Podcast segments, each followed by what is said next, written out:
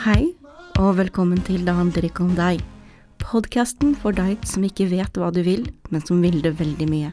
I dag skal vi starte med det aller viktigste først. Vi skal takke våre 20 første patrons.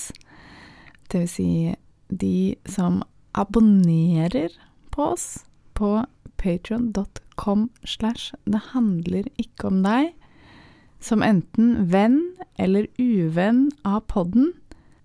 Vi er så takknemlige og rørte og stolte over at, eh, over at det finnes en liten håndfull eh, der ute som har lyst til å donere 50 kroner i måneden til oss for at vi skal fortsette å holde på med dette. Tusen takk, dere varmer oss gjennom den kalde novembernatten. Eh, en annen ting som har vært veldig rørende å oppdage, er at det finnes folk som legger igjen reviews på iTunes. Og det at noen gidder å ta seg tid til å skrive bare ti av ti for å kalle Rollnes skinnet, det Varmer oss. varmer meg. Ja, ja, Det kommer til å varme oss hele vinteren. det kommer til å varme meg hele Jeg er glovarm, jeg har feber, så rørt er jeg. Det er eh, noen som har kommentert lydkvaliteten, at podkasten er veldig bra, men lydkvaliteten er dårlig.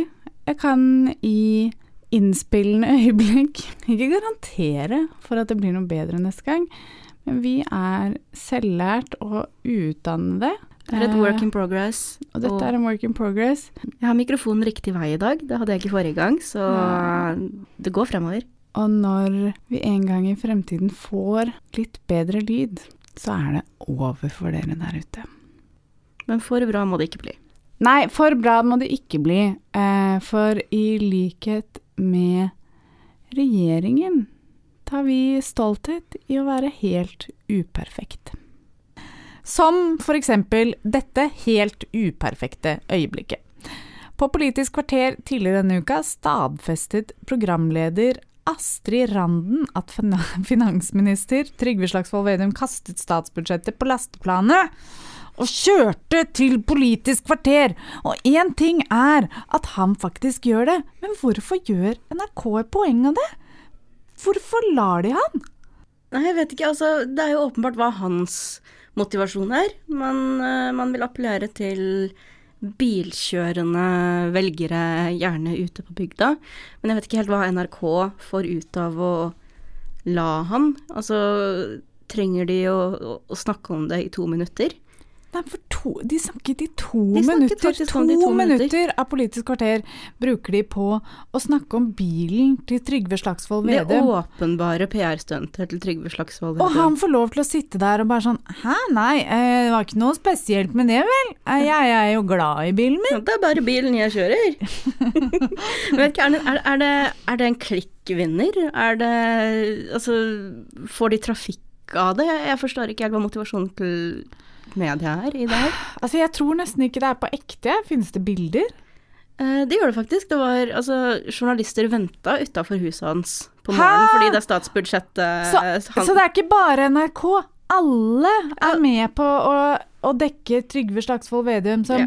slenger dokumentmappa si på lasteplanet på pickupen, som om det er en helt normal ting å gjøre. altså, Det er rett og slett et så stort budsjett at det ikke fikk plass inne i bilen. Da, da hadde han måttet kjørt en tank. Og så sitter vi og snakker om det, så um, Men er virkelig det budsjettet liksom som, så fysisk stort at han ikke bare kan få det ned i et sånn miljøvennlig bærenett og ta T-banen? Jeg tror det er der det ligger. Statsbudsjettet var rett og slett for stort. og jeg vil snakke om en annen, uh, annen klikkvinner, siden du først snakker om um, miljøvennlige bærenett. Kan, kan, vi, kan vi snakke om uh, Kjetil B. Alstaheim som har erklært krig mot Greta Thunberg i Aftenposten? Før helgen publiserte eh, politisk redaktør i Aftenposten Kjetil B. Alstaheim en kommentar der han uttrykker bekymring for retorikken til Greta Thunberg. Og han lurer på om det egentlig er lov å være kritisk til Greta Thunberg. Ja, for det er jo ingen. Ja, så, så svaret er ja. Er vi ferdige da? Ja, ja altså, jeg forstår ikke altså, hva, Jeg forstår ikke Jeg forstår ikke hva han prøver å si, jeg. Nei, det er egentlig ikke det jeg gjør heller, fordi altså, åpenbart så er det retorikken hennes som han synes er altfor drøy og udemokratisk. Og så skal han prøve å redegjøre for hva det er uh, hun har sagt som er så ille. Han skriver at det hun dyrker ren politikerforakt og risikerer å lede følgerne sine inn i noe autoritært, antidemokratisk og direkte farlig. Og så Hun bruker ord som forræderi om det som skjer på klimamøtet, hvilket ja, jeg syns ikke det er urimelig. Han uh, sier at hun har sagt at politikerne later som de tar vår fremtid på alvor. Altså, hvor, hvor, hvor, er det udemokratiske? Hvor er liksom hva, hva, er det som er feil? Hva, hvor er de, de kraftsalvene han egentlig snakker om? Kanskje det er det skarpe blikket hennes som gjør han livredd? Ja, altså, denne skumle 16-åringen.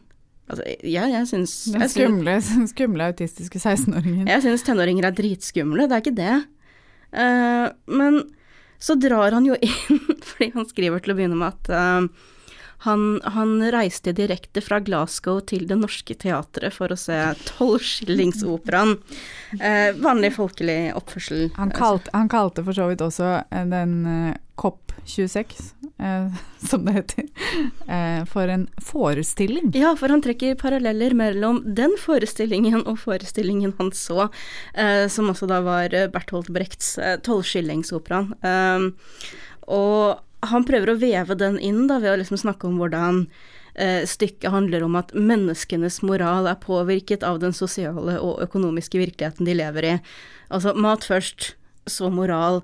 Og da er han plutselig inne på noe sånn helt annet. Altså for det første så syns jeg det er veldig gøy at eh, den, den liksom legendariske sentristen Kjetil B. Alstadheim prøver å legitimere seg ved megakommunisten Bertolt Brecht. Men han snakker da så vidt om eh, noe jeg egentlig har som hjertesak, som er hvordan skal vi foreta det grønne skiftet uten å kaste de som har minst under bussen. Og så har man selvfølgelig de som har minst på global skala, men så må man også ta hensyn til de som har minst i norsk skala. Og, og det er en viktig debatt, for all del. Men jeg ser ikke helt hva det har med Greta Thunbergs retorikk å gjøre. Hvor er det Jeg bare, synes ikke at å, å ta de hensynene, da, og snakke om hvordan vi skal foreta et grønt skifte som er mest mulig, eller minst mulig smertefullt for de som har minst, hvordan det står i kontrast til å understreke at det er et reelt presserende, akutt alvor i klimaendringene, og det virker ikke som politikere er interessert i å foreta den endringen som trengs. Noe som er inne på, for En ting som han dro frem som jeg ikke skal, um, ikke skal liksom hoppe glatt over uh, at uh, Greta Thunberg har snakket om at aktivistene skal sørge for endring, enten politikerne liker det eller ei. Og det syns jo sikkert Kjetil Alstaheim høres kjemperevolusjonært og, og skummelt ut. men det er jo det et representativt demokrati er. Det er jo at folkevalgte velges inn for å representere folkets vilje. Så hvordan han klarer å vri det til å bli udemokratisk, det, det, det, det Jeg vet ikke. Det sier kanskje mest om hva Kjetil Alstheim velger å lese inn i det, enn hva Greta Thunberg faktisk sier. Men i Norge så er jo ikke det folkets vilje, da. I Norge så har vi jo faktisk valgt en regjering som gir faen i alt dette. Så kanskje det er det han mener, og han syns at vi burde kanskje bare ha litt mer Litt øh, ja, Greta Thunberg, skal, hvem er hun til å komme og utfordre det? Folk i Norge har talt. Vi vil koke kloden. Vi vil kjøre pickup til Politisk kvarter. Vi vil kjøre pickup til Politisk kvarter, og vi syns at rusbrukere skal straffes. Og sånn er det. Han avslutter med å skrive det trengs en Greta Thunberg og aktivister som dytter på utenfra. Det trengs ikke en Greta Thunberg som bare sprer forakt og håpløshet. Men ærlig talt Ja, for politikerforakt er jo Ja, takk.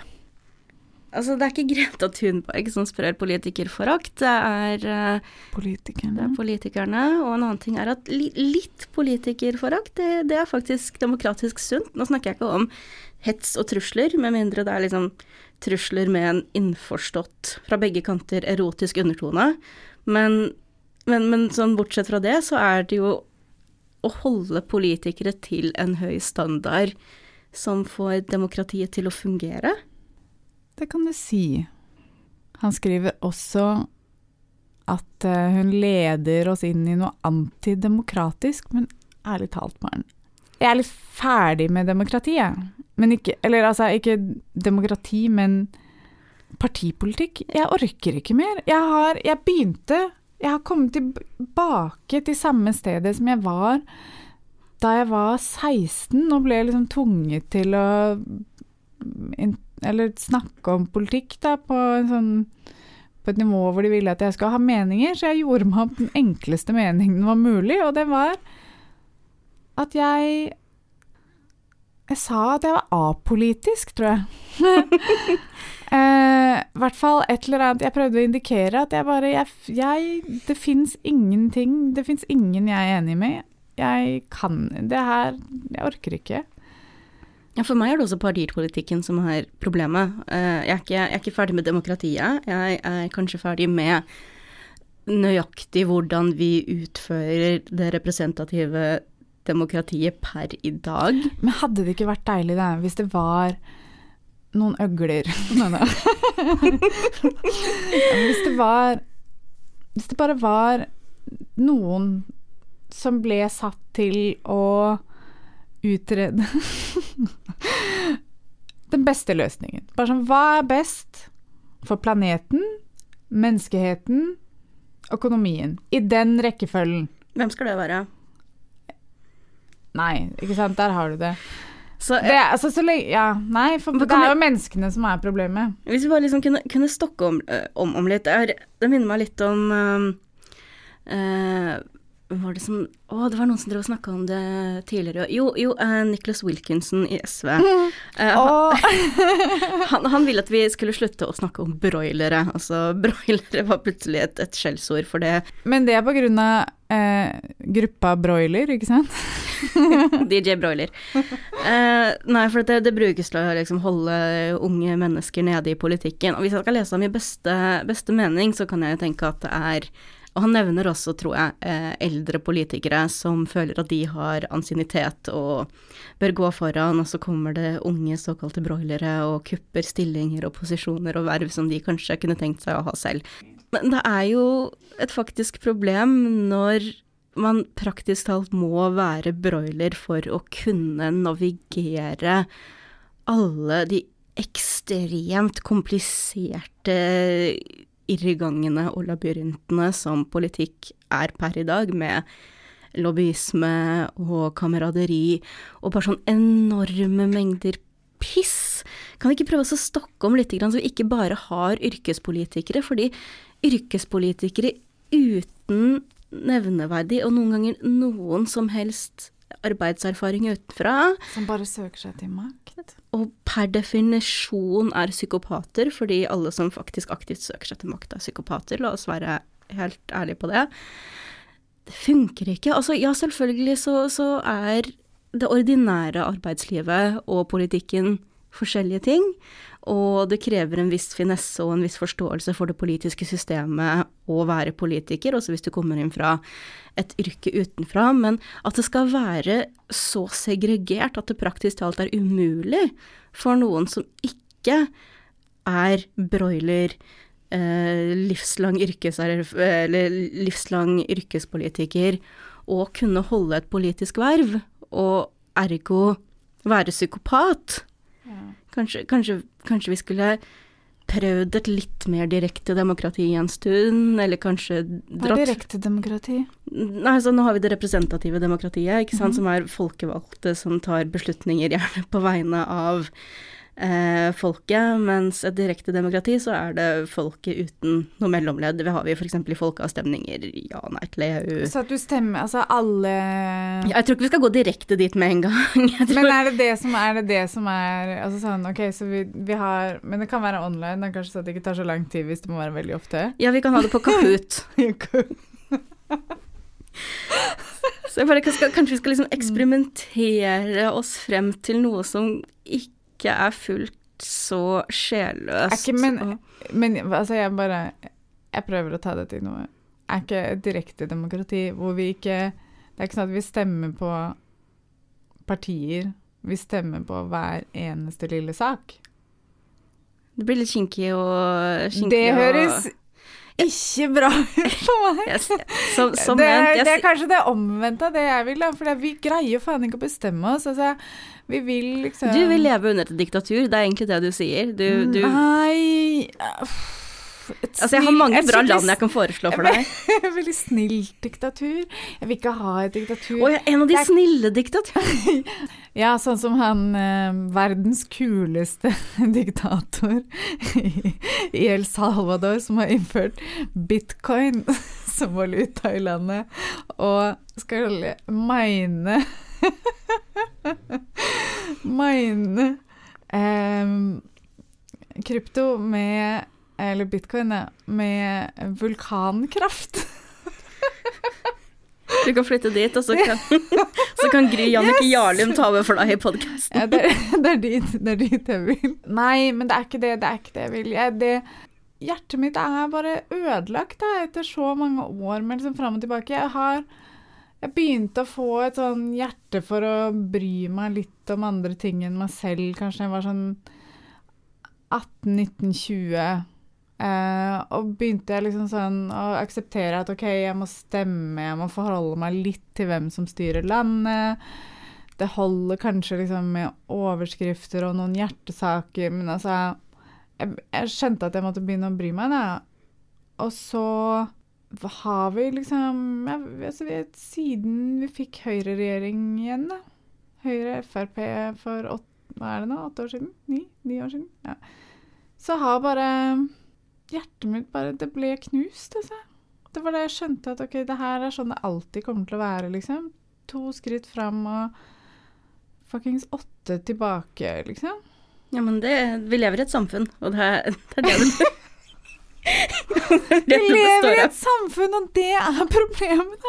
Jeg blir Jeg prøver liksom fordi at jeg, jeg har Jeg er en sånn født pessimist, og jeg prøver Jeg prøver å være litt sånn snillere og gladere og enklere å ha med å gjøre, men men de greiene her, liksom, det er bare tull. Og det, da blir jeg bare sånn Det her er ikke Hvis dette er demokrati, da vil jeg ikke ha det. Når vi er ferdige her etterpå, så skal jeg kjøre deg til lobotomi på landet. Takk! Altså, gjerne. Veldig, veldig gjerne hvis jeg kan bare sitte og stirre helt sånn tanketomt utover en åker for resten av livet. Ja takk. Og, og, apropos, eh, jeg har en annen ting. Eh, kan vi snakke så vidt om, eller kan jeg snakke så vidt om Henrik Krath Bjørkholt? Sånn apropos holdt på å si apropos lobotomi, Ikke så langt. Fordi Hvem er det igjen? Det er han det er eh, statssekretæren for Ingvild Kjerkol, som er helseminister for Eller helse- og omsorgsminister, er det kanskje det det er, eh, for Arbeiderpartiet. Ja, for hun, hun virker veldig omsorgsfull. Veldig. Eh, men hennes statssekretær, eh, og også tidligere fastlege Henrik Krath Bjørkholt, han har jo da Å, han har vært fastlege også. Ja, det Ja, ja. Uh, og han har da fått problemer pga. en Facebook-post fra i fjor. Ikke bare én.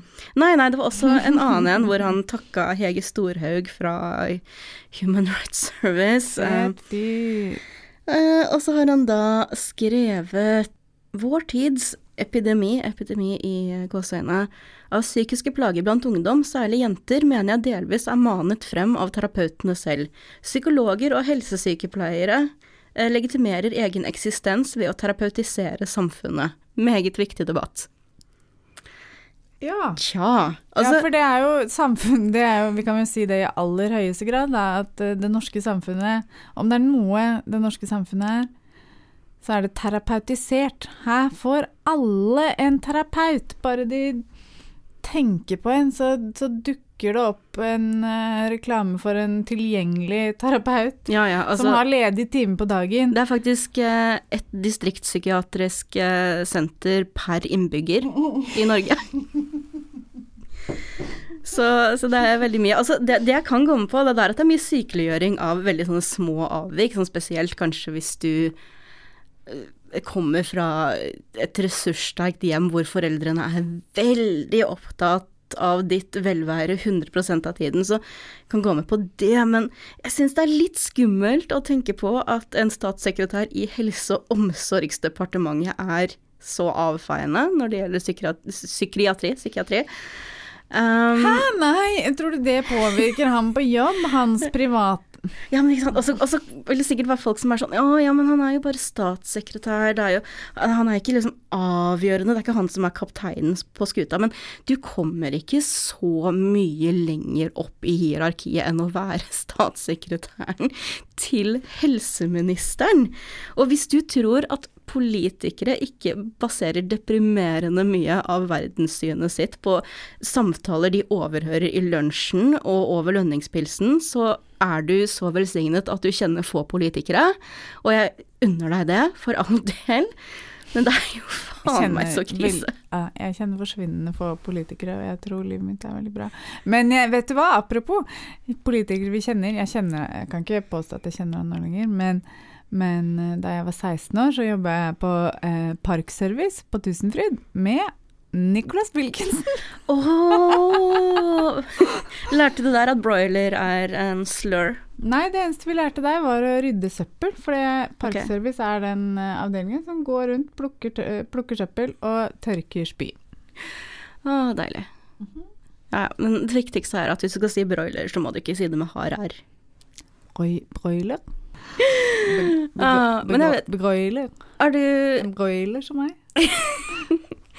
Er du, er du, hvor hvor skuffa er du over Ap-Sp-regjeringen? For altså, vi legger jo ikke skjul på at vi, vi, vi, heller i en viss retning på den politiske skalaen, men De sier at dette er venstresiden, men det er Jeg vet ikke hva dette er. Det er ikke Hva er venstresiden nå, liksom? Er venstresiden oss som vil ha dikta snill, snill diktator? Er det er det? Er det, det? Er det, det, det, er litt sånn AKP-ML-takter, så så vi, vi, kan nå herved være den offisielle AKP-ML-podkasten. Jeg vil ha en ubevæpnet revolusjon. Jeg vil ha det vi har nå, jeg vil bare ikke ha det.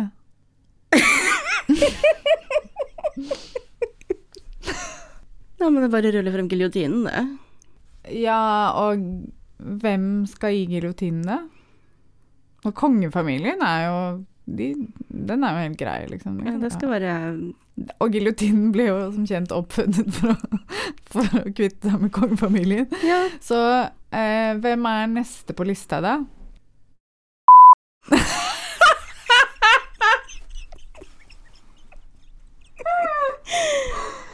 Ja, vet du hva, vet du hva. Det, det, det, det må være en Patrion-episode hvor vi bare faktisk lister opp alle som skal i giljotinen, og i hvilken rekkefølge. Ok, så konklusjonen er altså vi vil ha det vi har, men vi vil ikke ha det. og vi vil ha giljotin. Å, fuckars dere. Altså Hva sa du nå? Snør det? Fuck, nå snør det? Fuck, nå snør det! builds joy.